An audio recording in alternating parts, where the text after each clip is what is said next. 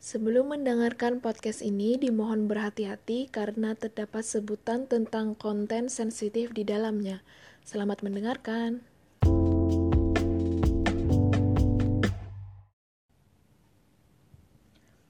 Halo semua, selamat datang di episode pertama dari film.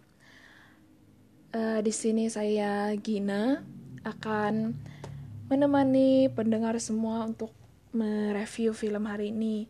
Hari ini filmnya berjudul Extremely Wicked, Shockingly Evil and Vile yang dirilis pada tahun 2019 disutradarai oleh Joe Bellinger. Nah, film ini berasal dari Amerika Serikat. Uh, mungkin beberapa dari kita udah dengar ya. Ini adalah film tentang seorang pembunuh berantai yang pernah terkenal uh, di Amerika pada tahun 1970-an bernama Ted Bundy. Mungkin juga beberapa dari kita juga udah familiar sama nama Ted Bundy ini. Ted Bundy ini adalah seorang uh, pembunuh berantai yang menculik, memperkosa dan membunuh korban-korbannya dengan pengakuan di sidang mengatakan bahwa ia bersalah atas 30 kasus pembunuhan meskipun jumlah asli dari korban diperkirakan lebih dari itu. Nah, Ted Bundy ini dikenal sebagai seseorang yang karismatik, menarik, sehingga ia turut menggunakan sifatnya ini untuk mendapatkan simpati korban saat beraksi melakukan kejahatan di publik dan saat membela dirinya di pengadilan. Nah, film uh, Ted Bundy ini diangkat ke layar lebar uh, pada tahun 2019 kemarin dan diperankan oleh Zac Efron. Yang kita tahu bahwa Zac Efron ini tentunya uh, terkenal dari masa-masa dia memerankan Troy Bolton di High School Musical ya. Ini adalah perubahan yang sangat uh, mengejutkan, shockingly evil atas karirnya uh, si Zac Efron ini. Nah, cerita uh, Extremely Wicked ini diangkat dari sudut pandang pacarnya Ted Bundy pada saat itu yaitu Elizabeth Kendall atau Liz yang selama bertahun-tahun tidak mempercayai bahwa Ted bersalah atas kejahatan bengis yang dilakukannya. Nah, dalam film ini juga Elizabeth Kendall yang merupakan pacarnya Ted Bundy ini diperankan oleh Lily Collins dan ada juga karakter bernama Carol Ann dia juga merupakan berdasarkan uh, seseorang yang nyata yang diperankan oleh Kaya Scodelario. Nah, uh, film ini bercerita dari uh, periode waktu 90 1970-an sampai Ted Bundy dieksekusi pada tahun 1980-an.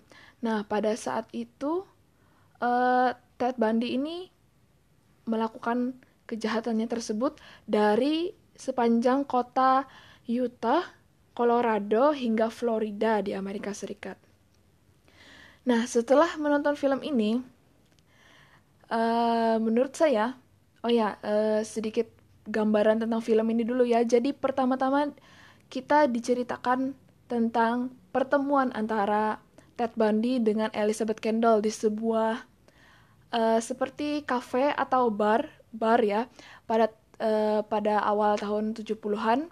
Di sini Elizabeth Kendall ini adalah seseorang uh, dia adalah seseorang single parent. Jadi dia ini merasa bahwa dirinya itu seperti tidak memiliki ya tidak memiliki jiwa muda lagi lah. Nah, tetapi temannya ini mengajak dia ke bar itu untuk menikmati dunia malam. Nah, di bar itu dia bertemu Ted Bundy.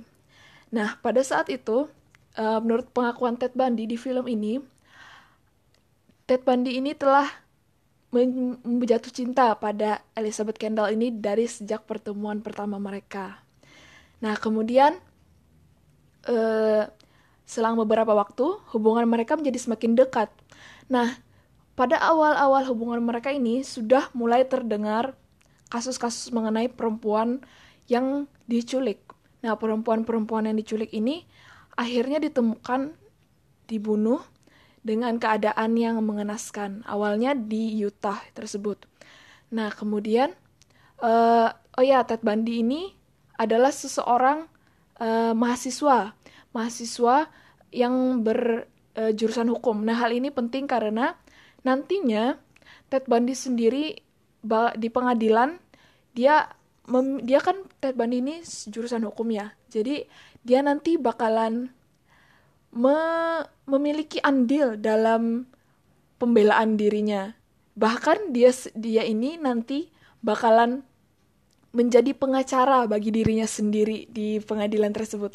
Nah, terus uh, setelah itu Ted Bundy ini menjadi salah satu tersangka, menjadi salah satu suspek yang dicurigai oleh polisi. Kemudian uh, pada suatu malam Ted Bundy ini di sedang berkendara di di jalanan. Nah, dia ini tertangkap oleh polisi karena me melanggar dua lampu lalu lintas. Nah, saat itu Ted Bundy ini diminta untuk diminta oleh polisi untuk ikut dan ditemukanlah bahwa di bagasi Ted Bundy ini ada alat-alat seperti linggis dan juga ada duct tape atau isolasi lem itu uh, dan juga ada kain untuk entah apa untuk membunuh atau entah bagaimana. Nah, jadi Ted Bundy ini termasuk dalam salah satu suspek tersebut. Nah, uh, kemudian salah satu korban yang selamat mengidentifikasi suara Ted Bundy ini sebagai uh, pelaku. Nah, di sinilah terjadi eskalasi kasus tersebut. Uh, di eskalasi kasus ini, entah bagaimana caranya, Ted Bundy ini uh, tetap bisa melalui hidupnya itu seperti orang normal, tetapi juga melakukan kejahatan karena ya tentunya seseorang yang psikopat kan memiliki seperti memiliki uh, dua sisi ya. Salah satu sisi yang pertama dia itu seperti orang yang sangat charming. Dia ini se seperti orang yang uh, sangat menarik. Nah, Ted Bundy ini juga sebenarnya uh, di dikatakan sebagai pembunuh dalam kutip dalam tanda kutip pembunuh yang ganteng gitu ya. Entah kenapa hal tersebut di entah kenapa uh, label tersebut diberikan kepada Ted Bundy karena menurut saya sih biasa-biasa aja gitu ya tapi uh, kemudian nah jadi Ted Bundy ini berhasil mengeksploitasi sisi daya tariknya tersebut uh, menjadi suatu alat untuk dia menggoda korbannya untuk ikut kepadanya dan juga untuk memanfaatkan simpati publik atas dirinya. Kalau uh, teman-teman nonton film ini tentunya terkejut. Uh, kalau teman-teman juga pernah lihat uh, seperti wawancara uh, dalam kasus Ted Bundy beberapa wartawan itu menanyakan kena kenapa sih kalian uh, mengikuti sidang ini? Karena orang-orang yang datang di sidang itu hampir 80% itu remaja putri semua. Dan mereka bilang aku serasa nggak percaya soalnya dia itu orangnya menarik banget. Masa orang yang seperti itu bisa membunuh? Aku nggak percaya gitu. Oh my god gitu. Kayak itu adalah sesu sesuatu yang ada ada suatu uh, kesalahan logika mungkin di sana. Entah entah kenapa ya. Tapi ya itu kenyataannya dan itu juga terjadi di dunia nyata begitu. Nah kemudian uh, Ted Bundy ini juga uh, melakukan kejahatannya di Colorado, juga melakukan kejahatannya di Florida. Nah, di dalam film ini, uh, di Florida inilah Ted Bundy menjadi uh, di men, akhirnya menjadi diper, dipersekusi dengan uh, sebenar-benarnya. Di karena di Colorado dan di Utah uh, polisi dan detektifnya tidak bisa di Colorado itu uh, Ted Bundy sempat melarikan diri. Jadi dia berpindah ke Florida. Nah, di Florida ini dia melakukan kejahatan kembali dan di sini uh, ditemukan uh, di mana Ted Bundy ini melakukan pembunuhan kepada uh, mahasiswa di sorority atau di rumah asrama gitu ya.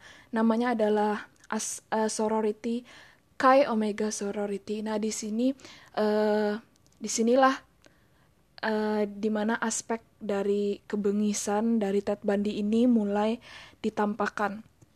Karena di sepanjang film hampir dari awal sampai hampir setengah ini, setengah film ini, Ted Bundy ini digambarkan seperti orang yang normal, orang yang biasa aja, malah seperti seorang cowok yang cowok idaman lah seperti itu karena ya pemainnya juga Zac Efron ya mungkin juga ada pengaruh dari Zac Efron ini juga. Nah di sinilah uh, saya tidak akan uh, menggambarkan hal bagaimana pembunuhan terjadi secara detail. Uh, kamu bisa lihat sendiri kamu bisa tonton sendiri di di film ini atau bisa cari kasus-kasusnya di uh, Google karena ini agak sensitif ya kontennya. Jadi kemudian di Florida inilah Ted Bundy men, me, harus menghadapi persidangan dan dia akhirnya di uh, ditetapkan atas kasus beberapa kasus pembunuhan hingga uh, masa tahanannya selama 10 tahun dan akhirnya dia mengakui pembunuhan sebanyak 30 kasus. Nah, namun kembali lagi ke awal tadi uh, jumlah kasus yang dia uh, dia lakukan itu uh, masih menjadi perdebatan. Banyak yang percaya bahwa hal itu lebih tinggi jumlahnya daripada hanya 30 kasus. Nah, sekarang uh, kita masuk ke reviewnya ya. Nah, setelah menonton film ini, menurut saya ada dua pendekatan perspektif review ya, Cia, dua pendekatan uh, yang dapat kita ambil. Khususnya ya, yang pertama ini pada penokohan sosok Ted Bundy yang diperankan oleh Zac Efron.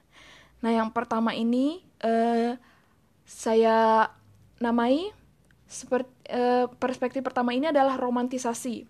Nah, kenapa romantisasi? Apa itu romantisasi? Romantisasi itu seperti uh, menggambarkan sesuatu yang tidak seharusnya menjadi romantis atau menjadi menyenangkan gitu ya. Padahal sosok sesuatu ini atau fenomena ini sesuatu yang jelek atau yang tidak pantas, tetapi kemudian digambarkan atau diadaptasi menjadi sesuatu yang nampak ya nampak romantis lah begitu ya. Nah, selanjutnya apa saja aspek romantisasi ini uh, yaitu kembali lagi ke tadi uh, peran dari Zac Efron. Mungkin uh, apabila kita melihat apabila kita membandingkan foto Zac Efron dan Ted Bundy, mungkin agak ada sedikit kemiripan ya. Uh, saya pun tidak tidak benar-benar seperti menekankan pada aspek yang ini. Karena menurut saya ini bisa saya berikan uh, benefit of the doubt atau uh, keraguan saya dan mungkin bisa di menurut saya pribadi mungkin bisa dikesampingkan ya, tapi uh, banyak media dan juga banyak komentator uh, dari film, reviewer dari film mengatakan bahwa casting Zac Efron yang notabene dia ini adalah seorang heartthrob, bahkan ada beberapa media yang mengatakan dia ini adalah sex symbol of Hollywood gitu ya. Sebagai Ted Bundy ini adalah sesuatu yang berlebih-lebihan, bahkan seperti sesuatu yang disengaja sengaja untuk menjual film ini gitu. Nah, uh, Ted Bundy ini emang tanda kutip ganteng, tetapi dia ini tidak selevel dengan Zac Efron gitu. Hal ini tuh malah seperti uh, membangkitkan suatu daya tarik yang beralamat buruk menjadikan pembunuh berantai itu seperti seseorang yang seseorang yang perlu di seseorang yang perlu dipuja-puja lah karena dia itu ganteng, karena berkarisma atau karena pemberani atau bagaimana karena itulah karena itu uh, seperti itu yang ingin dipersembahkan kepada pemirsa begitu. Padahal kan pembunuh berantai masa kita harus masa kita melihat pembunuh seorang pembunuh berantai dalam perspektif seperti itu gitu ya. Nah, itu salah satu aspek romantisasinya. Kemudian watak Ted Bundy yang disampaikan dalam film ini juga menjadi sesuatu yang cukup mengganggu bagi saya. Begitu banyak adegan di mana Zac Efron sebagai Ted Bundy disorot dalam suasana yang menggambarkan seperti dia itu elegan. Ya, kalau kita kembali lagi ke tadi emang uh, uh, Ted Bundy ini digambarkan sebagai seseorang yang tanda kutip ganteng tapi entah kenapa it makes me so uncomfortable gitu. Kayak saat ya ada suat ada montase di mana dia berkedip ke arah kamera. Kemudian juga terdapat beberapa montase di mana tubuh Zac Efron maaf tubuh Zac Efron yang perutnya seperti lipatan roti gembong dia menjadi seperti magnet perhatian bagi para remaja putri atas sosoknya secara fisik dan sifat teatrikalnya yang mempesona. Uh, dan kalau teman-teman melihat trailernya, trailernya ini menjadi salah satu per perdebatan pada saat uh, rilis film kemarin 2000 awal 2019 karena seperti uh, yang pertama di mana yang itu tuh langsung dibuka oleh adegan seks antara Elizabeth Kendall yang diperankan oleh Lily Collins dan Zac Efron yang memerankan Ted Bundy. Kemudian adegan itu diiringi lagu rock yang kemudian di bertransisi ke montase di mana Ted Bundy membunuh korbannya. Itu sangat insensitif atau cukup menyinggung lah, cukup menyinggung bagi mungkin bagi korban yang masih ada sampai sekarang, mungkin bagi orang-orang yang mungkin merasa itu adalah hal-hal yang tidak pantas menurut saya itu memang cukup uh, aneh sih. Kemudian uh, emang emang memang sih tap, uh, kembali lagi Ted Bundy itu seperti ah saya pokoknya Ted Bundy itu ganteng lah ya begitu tanda kutip ganteng lah ya. Tapi ini tuh uh, it's not something that we want to emphasize ini bukan sesuatu yang kita mau tekankan dalam cerita ini uh, hal pada saat di dunia nyata juga Ted Bundy ini sering meremehkan persidangan dan menganggap bahwa proses penegakan keadilan sebagai sesuatu yang lucu. Kalau teman-teman lihat uh, video asli dari Ted Bundy atau teman-teman nonton film ini, Ted Bundy itu seperti wah seperti superstar lah, tanda kutip superstar lah di persidangan itu. Hal ini nampaknya dapat memicu sensasi tersendiri dalam pandangan publik ya. Mereka dapat melihat sesuatu yang mungkin berani dan menantang dalam diri Ted Bundy. Karena kan pada zaman 1970-an itu mana ada yang seperti itu, tidak seperti sekarang, tidak ada yang viral-viral begitu ya.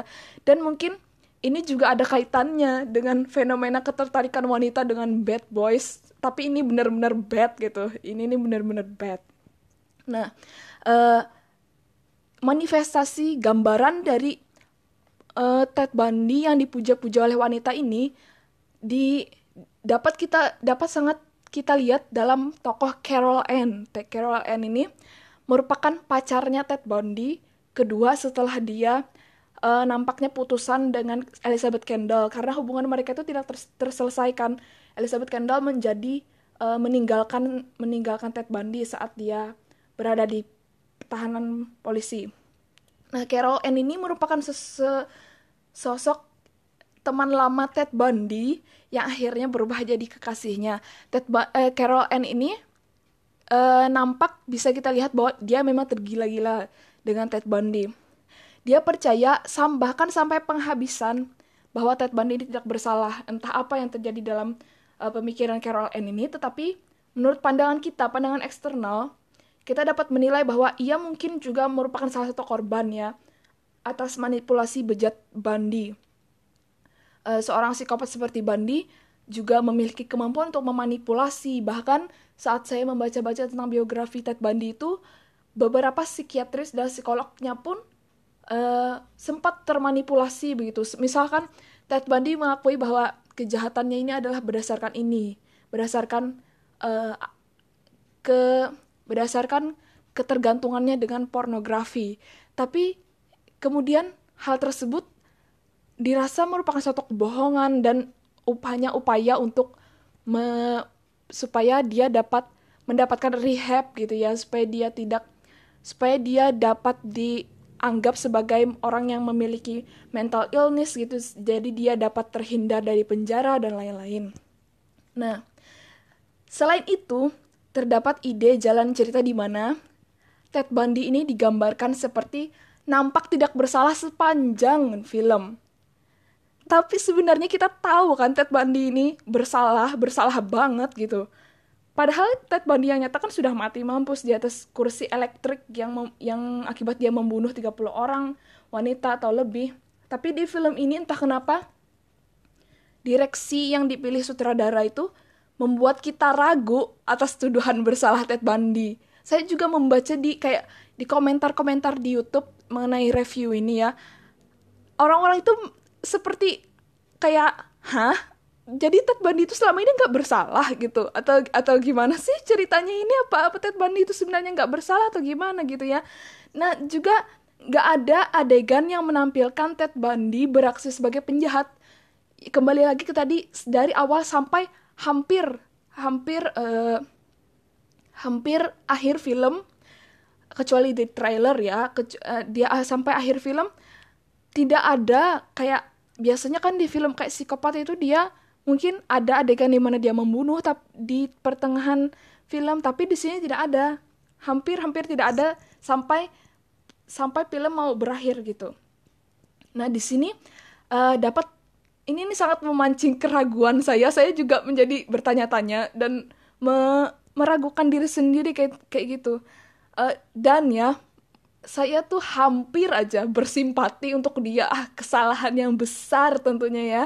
Karena ia benar-benar digambarkan seperti seorang pria, pria yang bia, ter, ya, pria biasa yang terjebak dalam situasi yang tidak menyenangkan dan memaksa ia untuk meninggalkan tunangan dan anak tirinya sehingga ya saya juga turut bertanya-tanya sebenarnya dia bersalah atau enggak sih? Tapi walaupun kita tahu dia tuh bersalah tapi tiba-tiba kita tuh kayak bertanya-tanya terhadap diri sendiri gitu.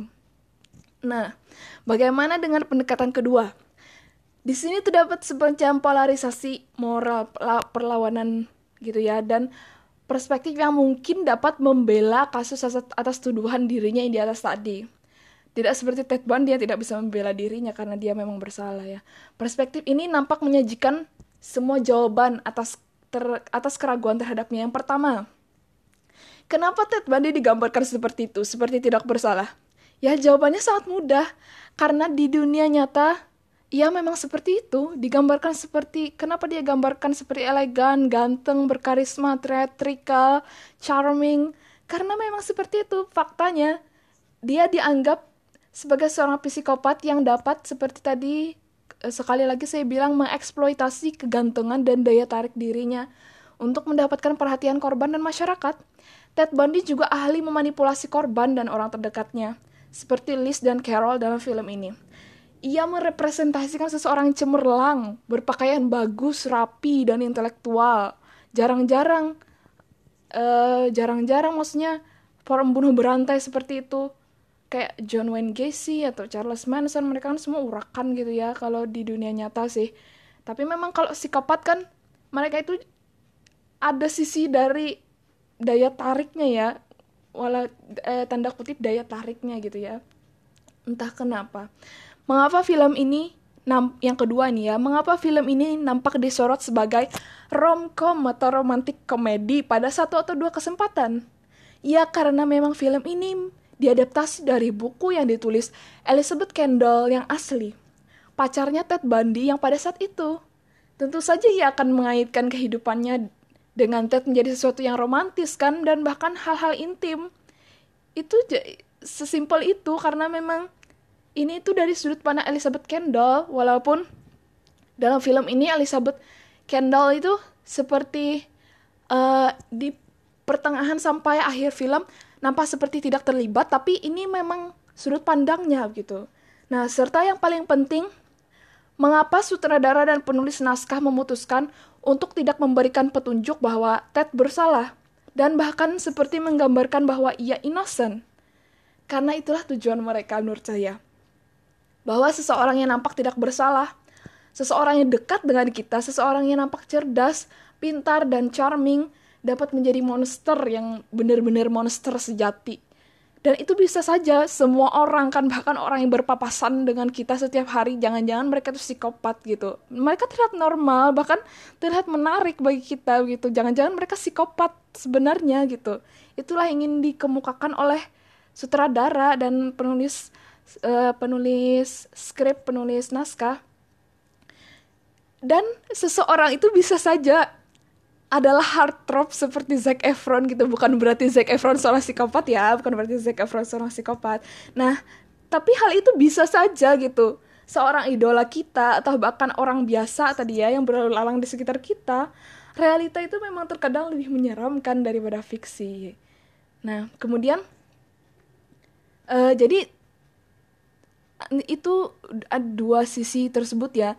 Jadi mereview film ini memang sesuatu yang agak berlawanan atau sesuatu anom anomali atau sesuatu yang paradoksikal gitu. Karena memang mereka ini mereka ini di satu sisi terasa keliru tapi di sisi lain juga ya benar juga ya gitu. Kayak ada dua jalan di sini. Jadi terserah uh, kita sebagai viewer kita sebagai penonton untuk mau mengambil jalan pendapat yang mana gitu. Apakah kita menganggap ini suatu romantisasi atau sesuatu kekeliruan atau sesuatu misdirect? Atau apakah kita mempercayai bahwa hal ini merupakan itulah uh, tujuannya? Itu ada sesuatu yang disengaja atau intentional gitu ya. Jadi kalau saya pribadi ya saya uh, menurut saya antara gabungan dari keduanya. Sebenarnya film ini uh, menurut saya agak datar karena tidak ada sesuatu yang benar-benar hmm, membuat saya kaget atau membuat saya apa gitu ya. Tapi it's nice lah uh, ini bisa memberikan kita suatu cahaya yang baru untuk me menyoroti fenomena kebrutalan dari Ted Bundy ini Uh, nah dari soal sisi aspek yang lain seperti acting nggak diragukan lagi ya Zac Efron dan Lily Collins ini sangat luar biasa lah.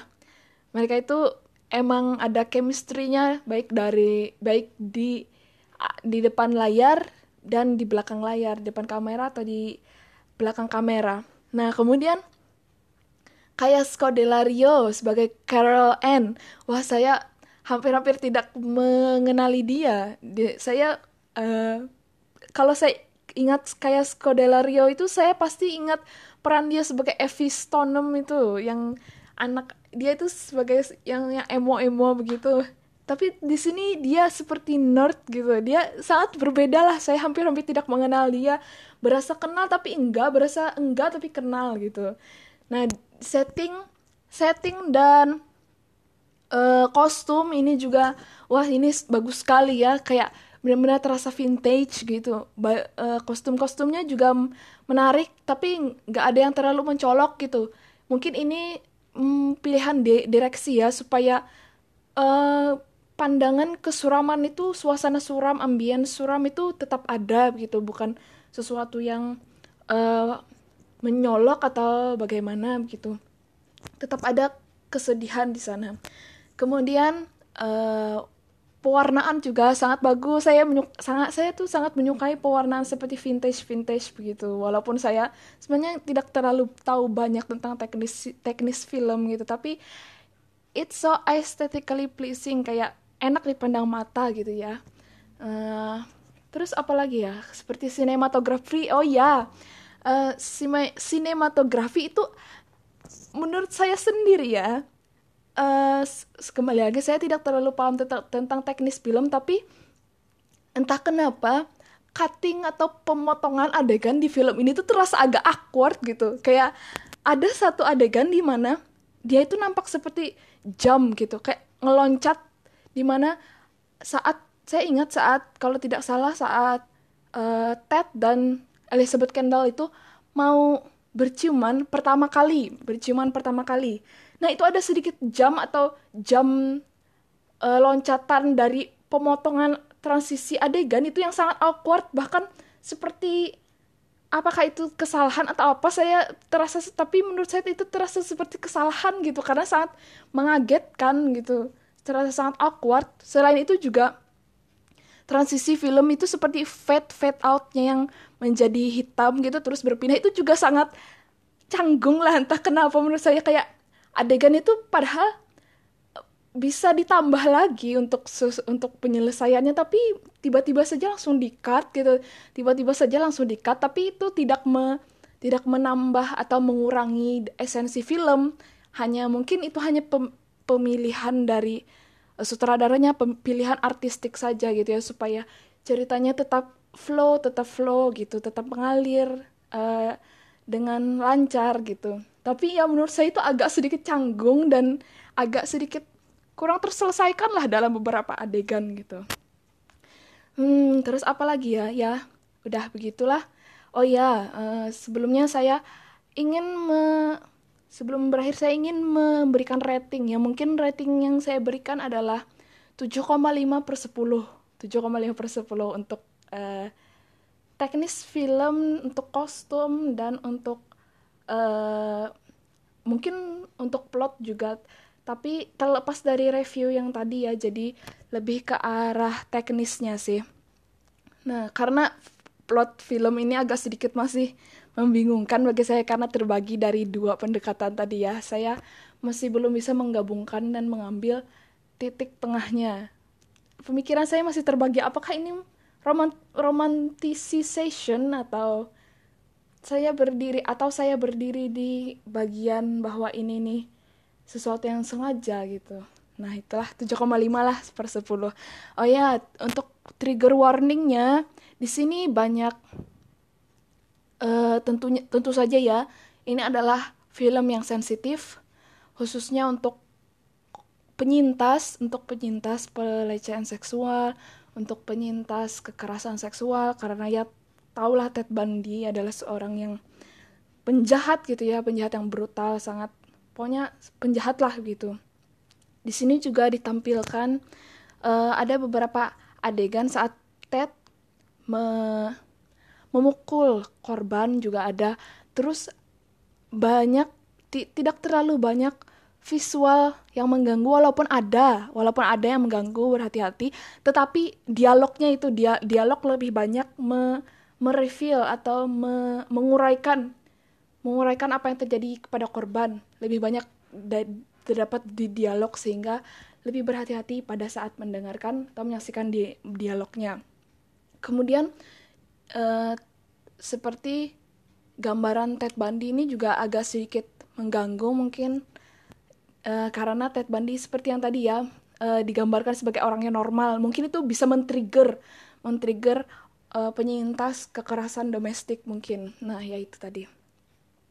Uh, ya selanjutnya uh, mungkin film ini tidak cocok untuk di ditonton oleh